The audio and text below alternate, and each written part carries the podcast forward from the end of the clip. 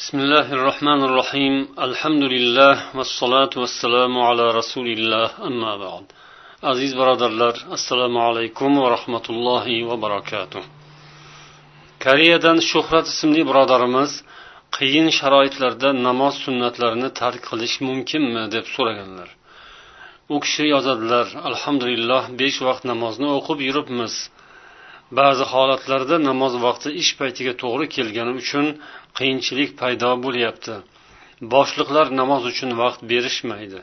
Shunday qiyin holatlarda namozning sunnatlarini tark qilib tursak bo'ladimi? deb so'raganlar. Sunnat namozlarini islom kitoblarida fiqh va hadis kitoblarida sunnat tatovvu nafila deb nomlangan. Sunnat degani bu farzning muqobilidagi amal.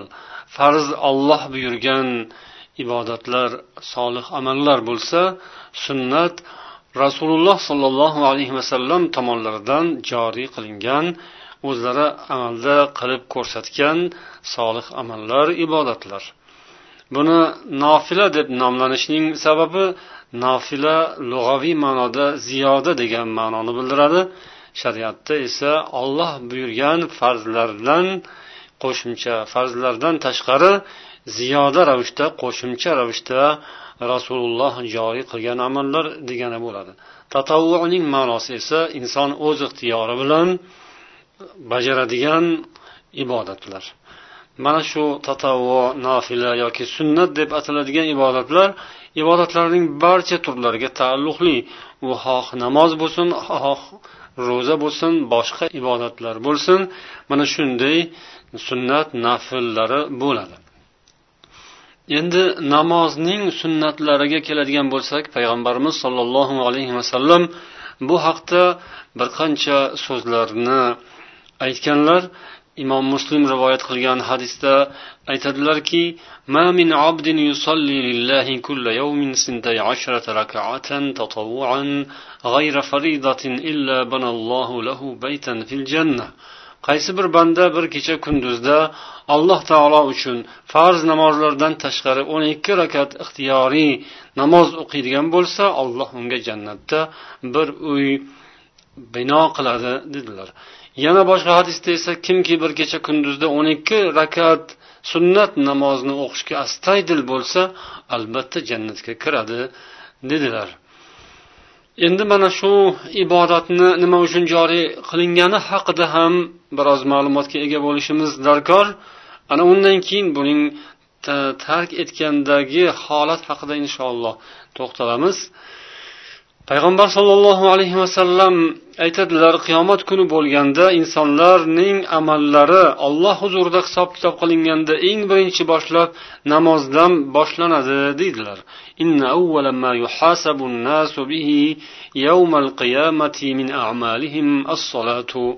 Deganlar.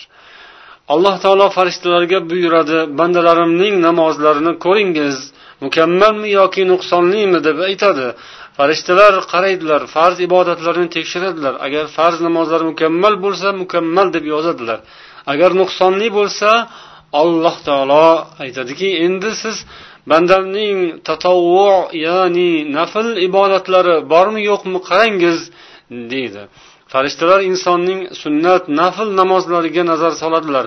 Agar insonning nafl sunnat namozlari mukammal bo'lsa chiroyli o'qilgan bo'lsa ana shundan olib farz namozlarining nuqsonlarini yopadilar. Mana shunday ulug' fazilatga ega sunnat namozlari ya'ni farz namozlarning yonida oldidan yoki keyindan o'qiladigan sunnat namozlari ana shunday hikmatlar bilan joriy etilgan. Endi bu namozlarni tark qilishning hukmi qanday bo'ladi?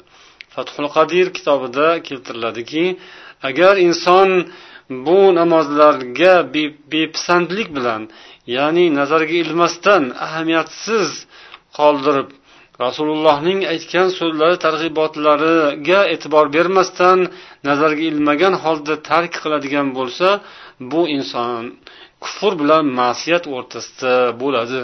Ya'ni sunnatni mensimasa u qattiq gunohkor bo'lishdan o'tib hatto kufrga ham ketib qolish xavfi bor. Ammo unday bo'lmaydigan bo'lsa demak u gunohkor bo'ladi. Payg'ambar sollallohu alayhi vasallamning sunnatlarini mensimagan bo'ladi. Agar doimo tark etib yuradigan bo'lsa u gunohkor bo'ladi deydilar. Sahihil buxoriyda payg'ambar sollallohu alayhi vasallamning oldilariga bir inson kelib islom ahkomlaridan xabar berishlarini so'ragan. Bu hadisni talha ibn ubaydulloh rivoyat qiladilar. Bir odam payg'ambar alayhissalomni oldilariga keldi sochlari to'zg'igan ya'ni sahrodan kelgan inson. Payg'ambar alayhissalomdan so'radi alloh taolo islomdan buyurgan amallarni xabarini berishni. Payg'ambar sollallohu alayhi vasallam aytdilarki bir kecha kunduzda besh mahal namoz olloh buyurgan. Haligi odam aytdi hal bundan boshqa yana biror narsa bormi mening ustimda? Rasululloh dedilar la illa yo'q illo o'zing ixtiyoring bilan yana o'qishingdir dedilar. Mana shunday qilib yana bu hadisning davomida payg'ambar alayhissalom ramazon ro'zasi haqida aytganlari zakot haqida aytganlar va bunda ham haligi odam so'rab turgan mening zimmamda yana bundan boshqa narsa bormi? deb ya'ni shu ibodat ibodatdan mana shu aytilgan shu ibodatning mana shu jinsidan ya'ni ramazon ro'zasi farz deganlarda yana shu ro'zadan bormi zimmamda deb so'radi. Yo'q faqat sen o'zing tatavvu ya'ni ixtiyoriy ravishda nafl ravishda tutsang bo'ladi dedilar. Bu so'zlarning oxirida haligi odam vallohi la azidu ala hada va la anqusu dedi. Allohga qasamki men mana shu aytilganiga hech bir narsa ziyoda ham qilmayman bundan kamaytirmayman ham dedi. Rasululloh sollallohu alayhi vasallam aflaha in sadaq dedilar. Agar rost aytsa ya'ni rost tursa albatta najot topadi bu odam dedilar. Demak bu hadisni keltirib ulamolar aytadilarki insonning zimmasida mana shu besh mahal farz namozlarining farzlarning o'zidan boshqa sunnat yoki nafl namozlari vojib emas farz emas. Agar inson bu namozlarni farzini o'qib boshqa namozlarni o'qimasa unda gunoh bo'lmaydi deydilar shofiy mazhabi ulamolari va yana boshqa ulamolar ham. Jumhur ulamolar mana shunday fikrni aytganlar. Ammo yuqorida keltirganimiz ba'zi ulamolar jumladan fathul qadir sohiblari va boshqa hanafiy mazhab ulamolari sunnat namozlarini doimiy ravishda o'qimasdan yurish gunohkor bo'lishga olib keladi deydilar. Haqiqatan ham agar sunnat namozlarga inson beparvo bo'ladigan bo'lsa ya'ni uzrsiz sababsiz o'qimasdan beparvolik yalqovlik bilan o'qimasdan yuradigan bo'lsa sunnatga behurmatlik qilgan bo'ladi va inson o'zining oxiratidan tashvishga tushadigan bo'lsa albatta namozlari qay darajada o'qilayotgani u mukammal bo'lyaptimi yoki nuqsonli bo'lib qolyaptimi bu narsaga e'tibor berishi lozim va sunnat.